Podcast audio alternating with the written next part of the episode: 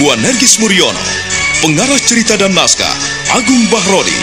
Ilustrasi musik Hari Sabar. Teknik dan montase Jenny Mumu. Dengan sutradara Ferry Fadli.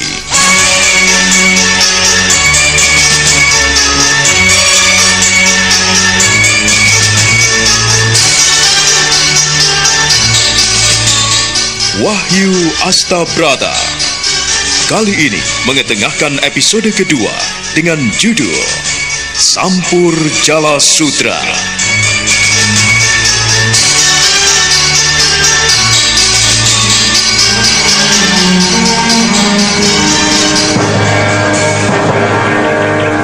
Sukmo menyembah sujud di kaki nenek dan kakeknya setelah menyadari bahwa dirinya telah mati dan bangkit kembali karena bisa menghadapi Ki Gunuk di Gua Tritip kembali dengan selamat. Syukuran dan selamatan yang diadakan nenek dan kakeknya itu menyambut kehadirannya kembali.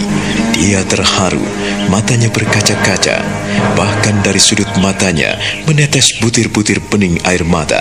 Dia kembali bersimpuh di hadapan kakek dan neneknya. Ki Wulung dan Nyai Wulung bersamaan mengulurkan tangannya dan menjamah bahu cucunya. Mereka memberkati Sukmo dengan ketulusan hati.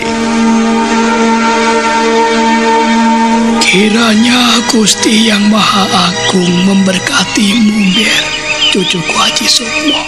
Apa yang nenek dan kakekmu lakukan ini semata-mata adalah demi masa depanmu. Kiranya dengan apa yang telah kau miliki, kau benar-benar menjadi orang yang berguna bagi sesamamu. Kiranya kau tetap ingat akan dirimu. Hah? Jangan sopo siro, sopo ingsun. Jangan mentang-mentang yang ger. Keluhuran dan budi pekerti. Kiranya menjadi landasan hidupmu. Kakek dan nenek tidak bisa memberimu apa-apa selain daripada doa restu. Kakek dan nenekmu akan berusaha untuk membimbingmu menuju jalanmu. Jika kau menyimpang ke kiri atau ke kanan, nenek dan kakekmu mudah-mudahan bisa mendampingimu. Nah, Mengucaplah syukur kepada Gusti Yang Maha Agung cucuku Ngeraji Sukmo agar dia senantiasa membimbing langkahmu.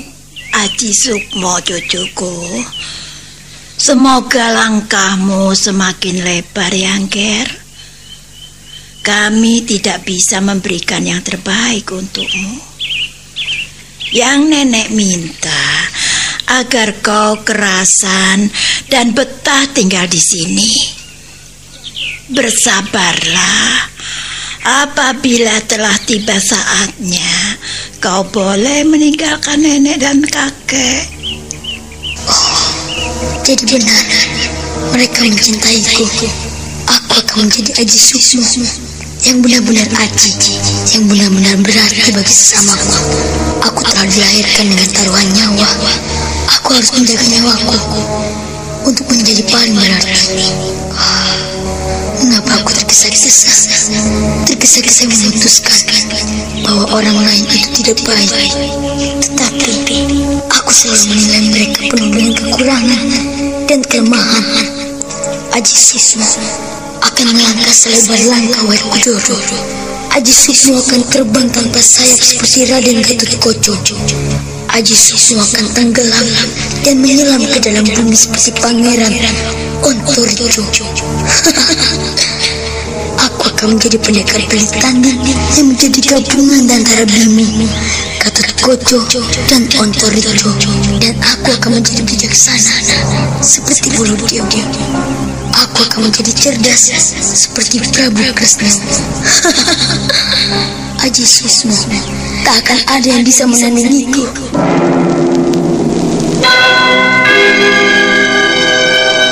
Maafkan Sukmo, Nek. Kek, Sukmo senantiasa melangkah dan berjalan seorang diri.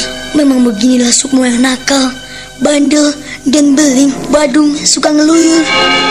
Aku tidak akan menerima siapa pun juga di dalam goa tritip ini. Apabila tidak mendapatkan restu dari kedua orang tuamu dan tidak mendapatkan restu dari kakek dan nenekmu.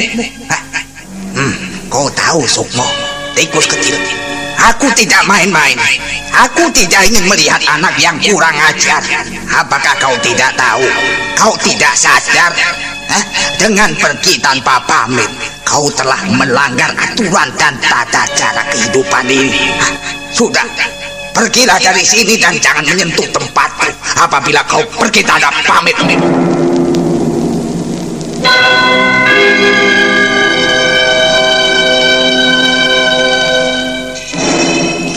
Hei, mengapa kau diam dan merenung seperti itu, Ger?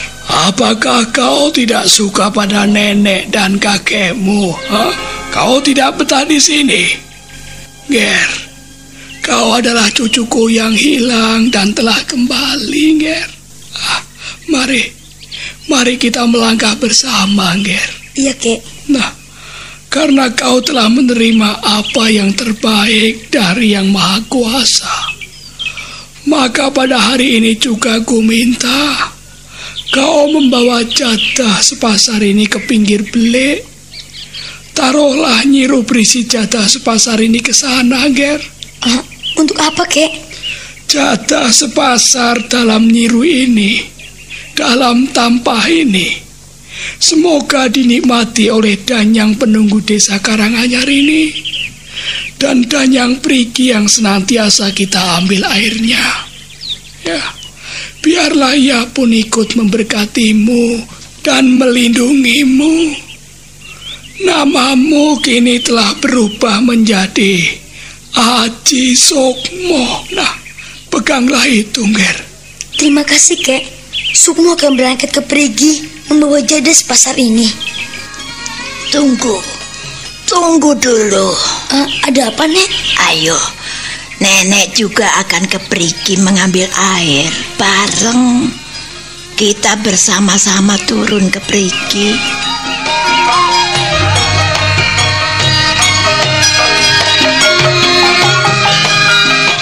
Nyai Wulung segera pergi ke belakang dan dengan cepat kembali sambil membawa belanga tanah. Sukmo pun siap membawa tampah di atas kepalanya. Tampah yang berisi jadah sepasar dan kemenyan itu segera dibawanya menuju ke Perigi.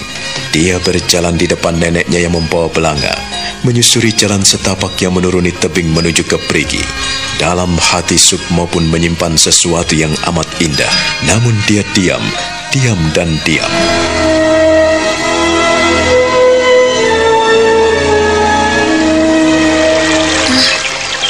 Taruh di mana, Nek?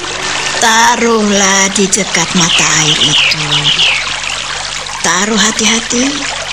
Jangan sampai ada yang tumpah, ya. Iya, Nek. Apa yang nenek ucapkan nanti. Kiranya kau menirukan. Ah, iya, Nek. Cepat, letakkanlah.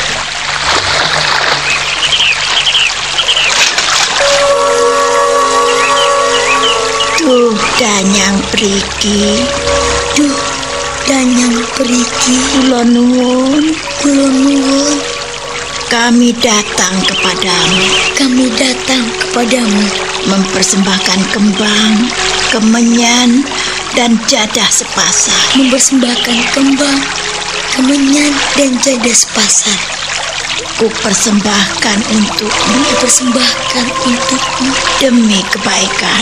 Demi kebaikanmu yang telah kau berikan. Yang telah kau berikan. Dan yang belum kau berikan. Dan yang belum kau berikan. Kepada kami di Karanganyar ini. kepada kami di Karanganyar ini. Berikanlah kepada kami. Berikanlah kepada kami. Panjang sabar, panjang sabar, panjang umur, panjang umur, panjang dan murah rezeki, panjang dan murah rezeki, dan panjang segala apa yang kami miliki. dan panjang segala apa yang kami miliki. Kiranya kau mau menerima persembahan ini. Kiranya kau mau menerima persembahan ini. Amin. Amin.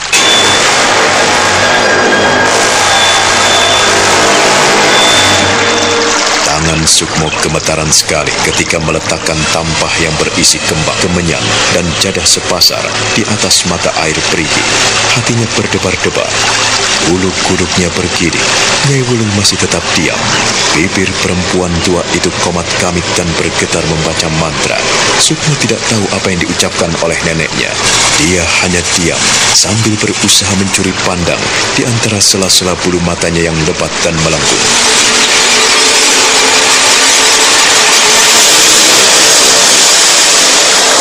Sebetulnya, apa yang dilakukan Nenek? Apakah ia juga membaca mantra-mantra lain? Sungguh aku tidak tahu apa yang diinginkan. Nenek ini benar-benar aneh. Sifatnya yang keras dan pemarah menjadi beda sama sekali. Kini ia menjadi orang yang pendiam dan menyeramkan. Kau boleh pulang duluan. Hah? Pulang duluan? Nenek tidak perlu bantuanku. Aku tidak perlu bantuanmu, setidak-tidaknya untuk saat ini. Pulanglah dan rawatlah kambing dombamu jika perlu. Ambillah rumput untuk makan mereka nanti malam. Eh, jadi, aku kembali menjadi gembala, Nek. Ya, menjadi seorang gembala untukmu saat ini bukanlah suatu pekerjaan yang hina. Tetapi itulah wangsit yang nenekmu terima dari danyang mata air pergi ini. Wangsit yang Nenek terima dari danyang kiai pergi ini. Ya, kalau kau tidak menuruti apa yang dikenakinya, kalau kau tidak menuruti wangsit yang nenek terima, cita-citamu tidak akan bisa berhasil. Eh, iya, aku akan mendengarkan Nenek. Eh, baiklah, Nek. Aku pulang dulu.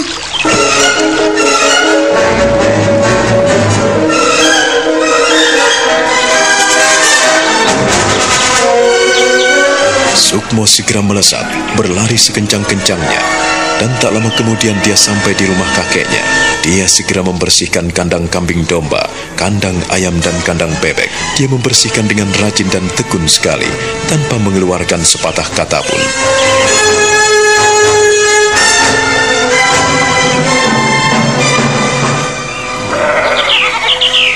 Kambing-kambingku, kalian suka jika aku kelak menjadi seorang pendekar. Aku senang sekali dengan kalian. Bagaimanapun juga, kalian mengajakku bersabar. Kalian mengajariku hal-hal yang tidak diberikan oleh sesamaku. Sekalipun kalian binatang. Tetapi kalian lebih banyak mengerti hati dan perasaanku.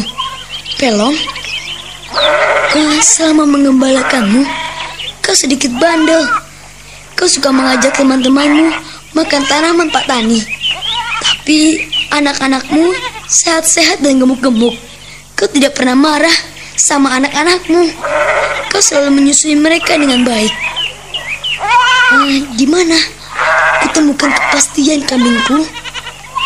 Ya, ke manakah aku dapatkan kebenaran?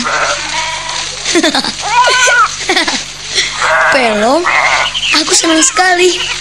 Kau benar-benar memikirkan aku. Kau dan kawan-kawanmu mau makan rumputku dengan lahap. Ah, kalian memang piaraanku yang baik. Aku memang ingin sesuatu yang lain. Kambing-kambingku mencari kepastian jalan hidupku. Mereka yang lebih dulu tua belum mau mengerti hati dan perasaanku. Aku akan membuktikan pada mereka bahwa aku mampu melakukan sesuatu.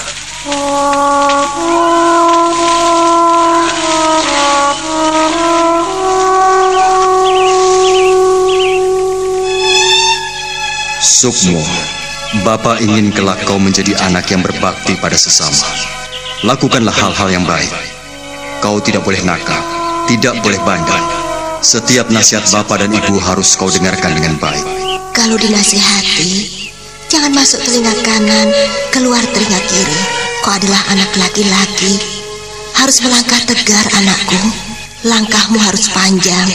Hal itu hanya bisa kau raih dengan kedisiplinan tinggi. Bila main harus pulang tepat waktu. Jangan berbohong, jangan menyakiti kawanmu. Jangan merugikan orang lain.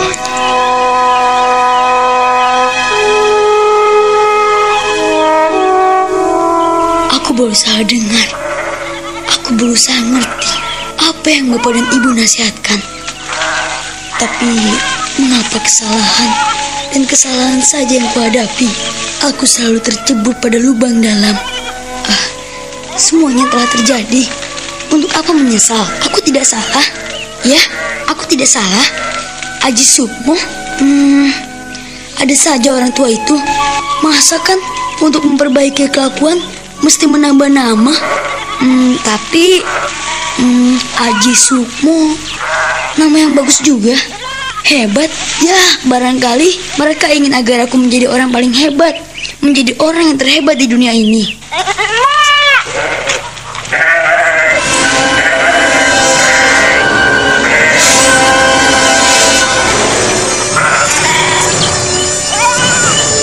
Kambing-kambing di kandang melonjak-lonjak liar. Mereka terkejut sekali karena ada kekuatan aneh yang melingkupi tempat itu. Rumput yang sedang mereka makan menjadi berantakan. Sukmo lalu melompat dua tombak di samping kandang, memeriksa keadaan sekelilingnya.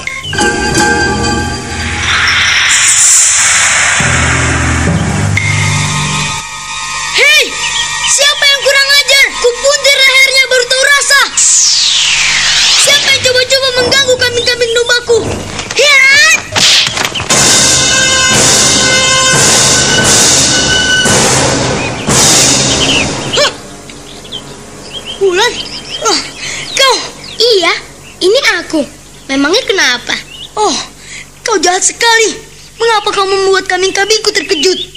Siapa yang membuat kambing-kambingmu kaget? Kau, kalau tidak dirimu, sudah kupintir batang lehernya. Kau jangan main-main seperti itu, Wulan. Kuakui, kau punya kelebihan dan kebolehan. Ilmumu cukup tinggi, sekalipun kau masih kecil. Tapi, orang yang suka mempermainkan sesamanya, ia suatu saat akan mendapat balasan. Aku tidak merugikanmu, bukan? Aku hanya mengujimu sejauh mana kesiagaanmu menghadapi bahaya. Kau juga hebat. Kau boleh juga, Sukmo. Hei, kenapa kau diam? Kau membuatku kesal. Sama, kau juga membuatku kesal. Sejak tadi kau asik dengan kambing-kambingmu. Kau tidak pedulikan kedatanganku. Aku sedang merenungkan nasibku, Wulan. Bagaimana, Sukmo? Memikirkan nasibmu? Iya, Kau ini seperti kakek-kakek saja. Kau tidak perlu memikirkan yang macam-macam. Pikirkanlah apa yang ada di depanmu saat ini. Kambing-kambingmu misalnya. Eh, kakek dan nenekmu marah. hmm, Ah, mereka masih marah padamu setelah kau pulang dari Tritip. sebaiknya jangan bicara di sini. Ayo ikut aku.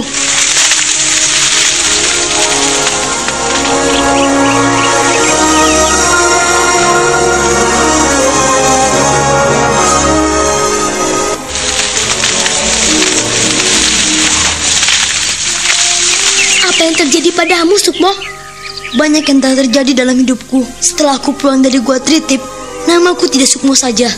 Lalu ada apa dengan namamu, Sukmo? Kakek dan nenek menambah namaku dengan Aji Sukmo. Aku tidak mengerti apa sebetulnya yang diinginkan mereka. Tentu saja mereka ingin agar kau baik, Sukmo. Nama Aji adalah sesuatu yang berharga. Jadi, mereka mengharapkan agar kau menjadi seorang yang berharga, seseorang yang berarti dalam hidup ini. Apakah benar begitu? Tentu saja. Oh ya, bagaimana dengan rencana kita, Sukmo? Apakah kakek dan nenekmu mengizinkan kita pergi ke Tritip? Untuk sekarang, mereka belum mengizinkannya. Tapi, aku butuh waktu untuk belajar pada kakek. Kata mereka, aku belum mampu melakukan apa-apa. Aku mau belajar ilmu silat kepada kakek dulu. Setelah itu, aku akan datang menantang kakekmu.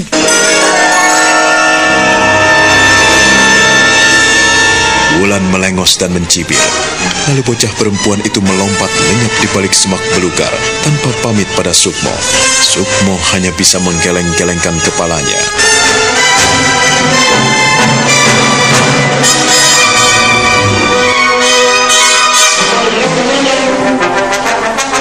Sukmo tak pernah meluangkan waktu senggangnya.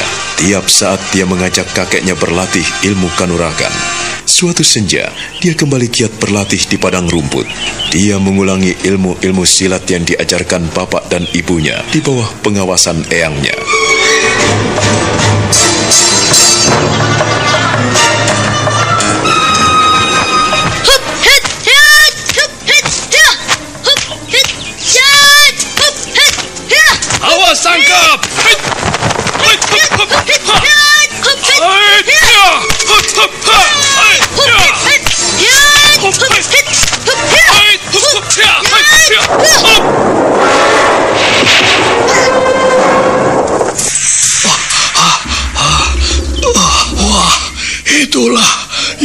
Yang kuharapkan Sukmo.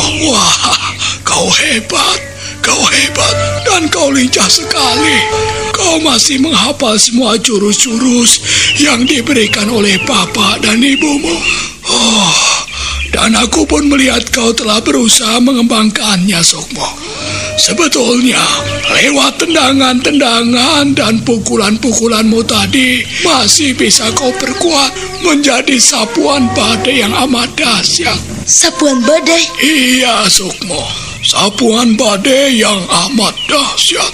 Kau bisa mengembangkannya dengan melompat ke dahan pohon itu sambil bersalto beberapa kali.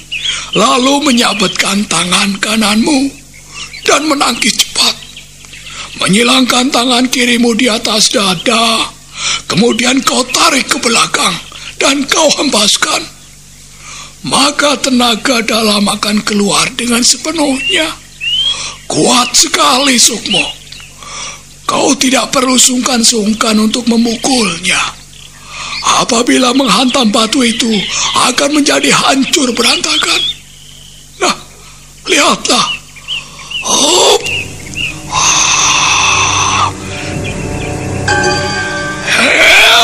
Hempasan badai.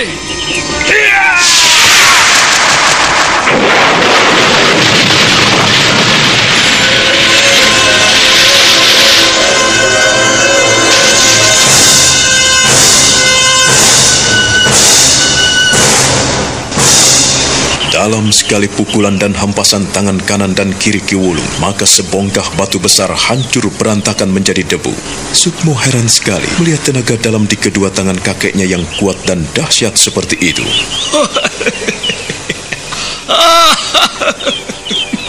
Bagaimana, Gera? Bagaimana, Sukmo? Bagaimana? Wah, ternyata kakek hebat sekali. Bagaimana dengan mendorong kedua tangan ke depan seperti itu? Maka kakek dengan mudah menghancurkan sebongkah batu besar. Tak ada sisanya, tak ada bekasnya. Sukmo, pengumpulan tenaga yang kuberi nama hempasan badai ini masih bisa kau kembangkan lagi, Sukmo. Kau masih bisa memiliki kekuatan yang lebih luar biasa dibandingkan tenaga kakekmu yang hampir rapuh ini. Kau masih muda dan kau masih memiliki simpanan tenaga yang luar biasa. Tenaga pranamu masih kuat dan memiliki hawa murni. Sedangkan kakekmu ini sudah loyo, Nger. Sudah rapuh dan tidak mampu melakukan apa-apa. Sekarang tinggal kau yang harus mengembangkan semua yang telah kakek ajarkan.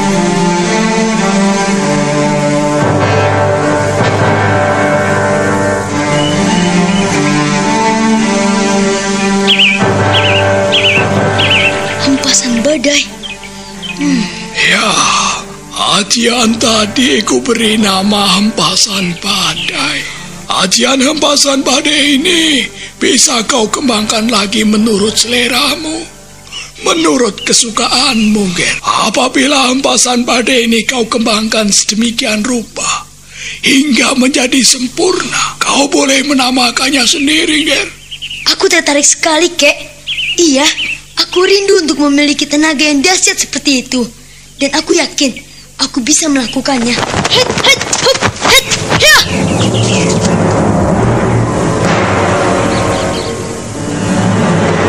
Nah, tarik kedua sikumu ke belakang dan perlahan lemparkan ke depan. Ulangi berkali-kali, Haji Sukmo.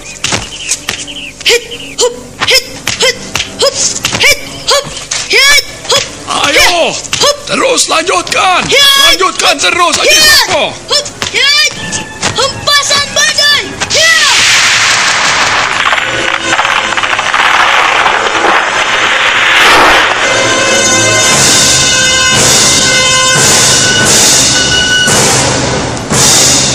Karena begitu kaget, Sukmo terpental. Dia melompat dan bersalto ke belakang sampai beberapa ujung tombak.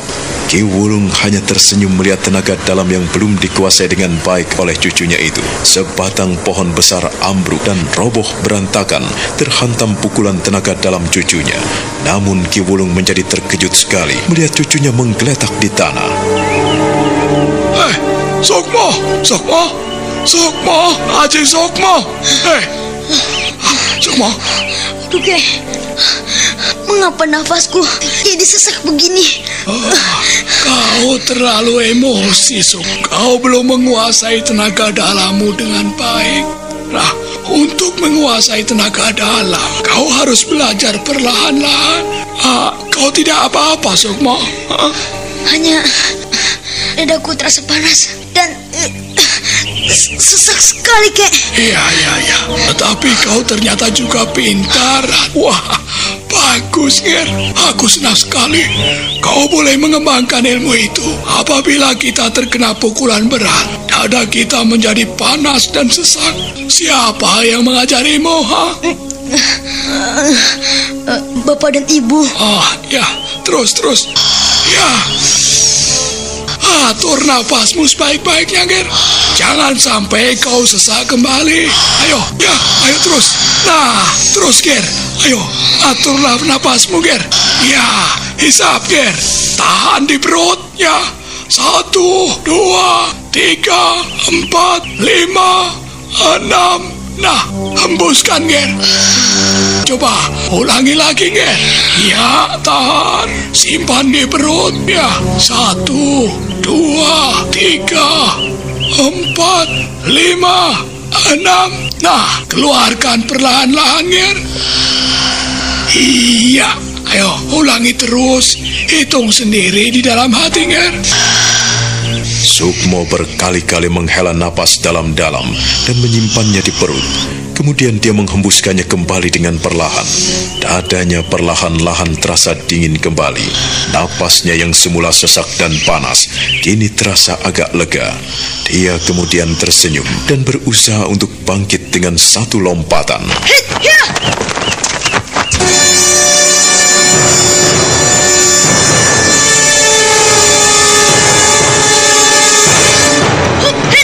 Sukmo! Awas,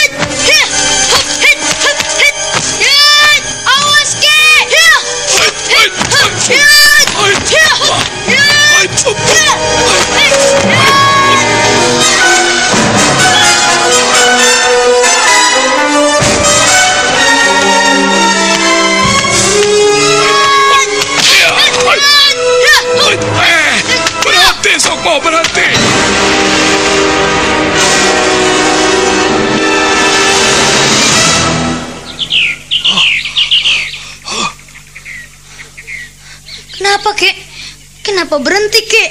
Aku belum puas untuk berlatih. Iya, iya, iya, iya. Wah, kau memang hebat. Kau memang kuat, Sukma. Dan kau, ah, kau masih bisa cukup lama berlatih. Ah, Tetapi, tetapi kakekmu tidak kuat, Ger. Ah, Ah, aku harus berlatih lebih giat lagi, Kek. Iya, iya, iya. Kau memang harus berlatih lebih giat lagi. Ah, Tetapi kau jangan sombong, Er. Jangan sombong. Cucuku Haji Sukmo, kau jangan sombong. Hah? Mentang-mentang tenagamu masih kuat dan luar biasa, maka kau berlatih di luar batas. Ah, tadi napasmu sesak ah, dan tenagamu hampir habis. Tetapi setelah kau mengumpulkan tenaga dalam lagi, kau mengajak kakekmu bermain-main. Wah, aduh, napas kakekmu bisa putus, Ger. Kakek, kakek. Mengapa kakek lelah? Sukmo belum lelah, Kek. Sukmo masih bisa berlatih beberapa jurus lagi. Percayalah, Kek. Jangan sombong kau, Ger. Ah, Jangan lengah. Jangan mentang-mentang kau masih kuat dan perkasa. Kakekmu ini ukuran tua. sudah rapuh, tidak mempunyai cadangan tenaga dalam lagi. Uh, sementara kau masih kuat, masih perkasa. Jangan memaksa kakekmu menjadi pontang panting dan kalang kabut seperti ini. Eh, tidak, tidak, Ger. Kakekmu tidak kuat lagi. Nafas kakekmu bisa putus nantinya. Hah? Kau pun harus bisa menyimpan sisa-sisa tenagamu untuk berlatih besok pagi, Ger. Tapi aku ingin berlatih lagi, kek. Ah. Benar, aku ingin berlatih lagi. Aku ingin berlatih lagi sampai aku letih Ya, sekali. aduh, Ger, Ger. Oh, kakek, kakek tidak kuat, Ger. Kalau kakek tidak kuat, biarkan aku berlatih sendiri. Aku ingin berlatih beberapa jurus lagi. Hit, hit,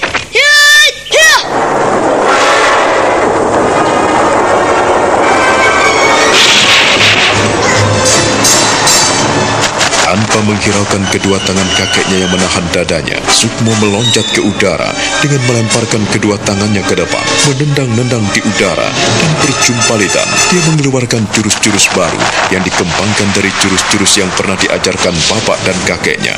Sukmo benar-benar menjadi anak yang lincah dan hebat.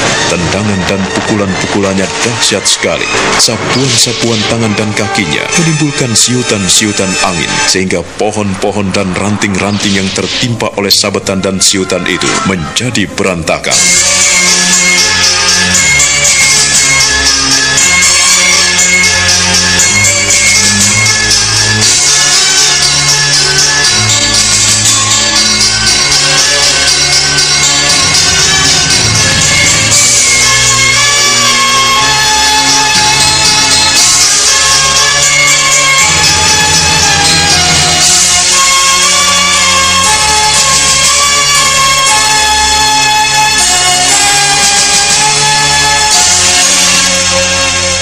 Bagaimanakah kisah Sukmo selanjutnya?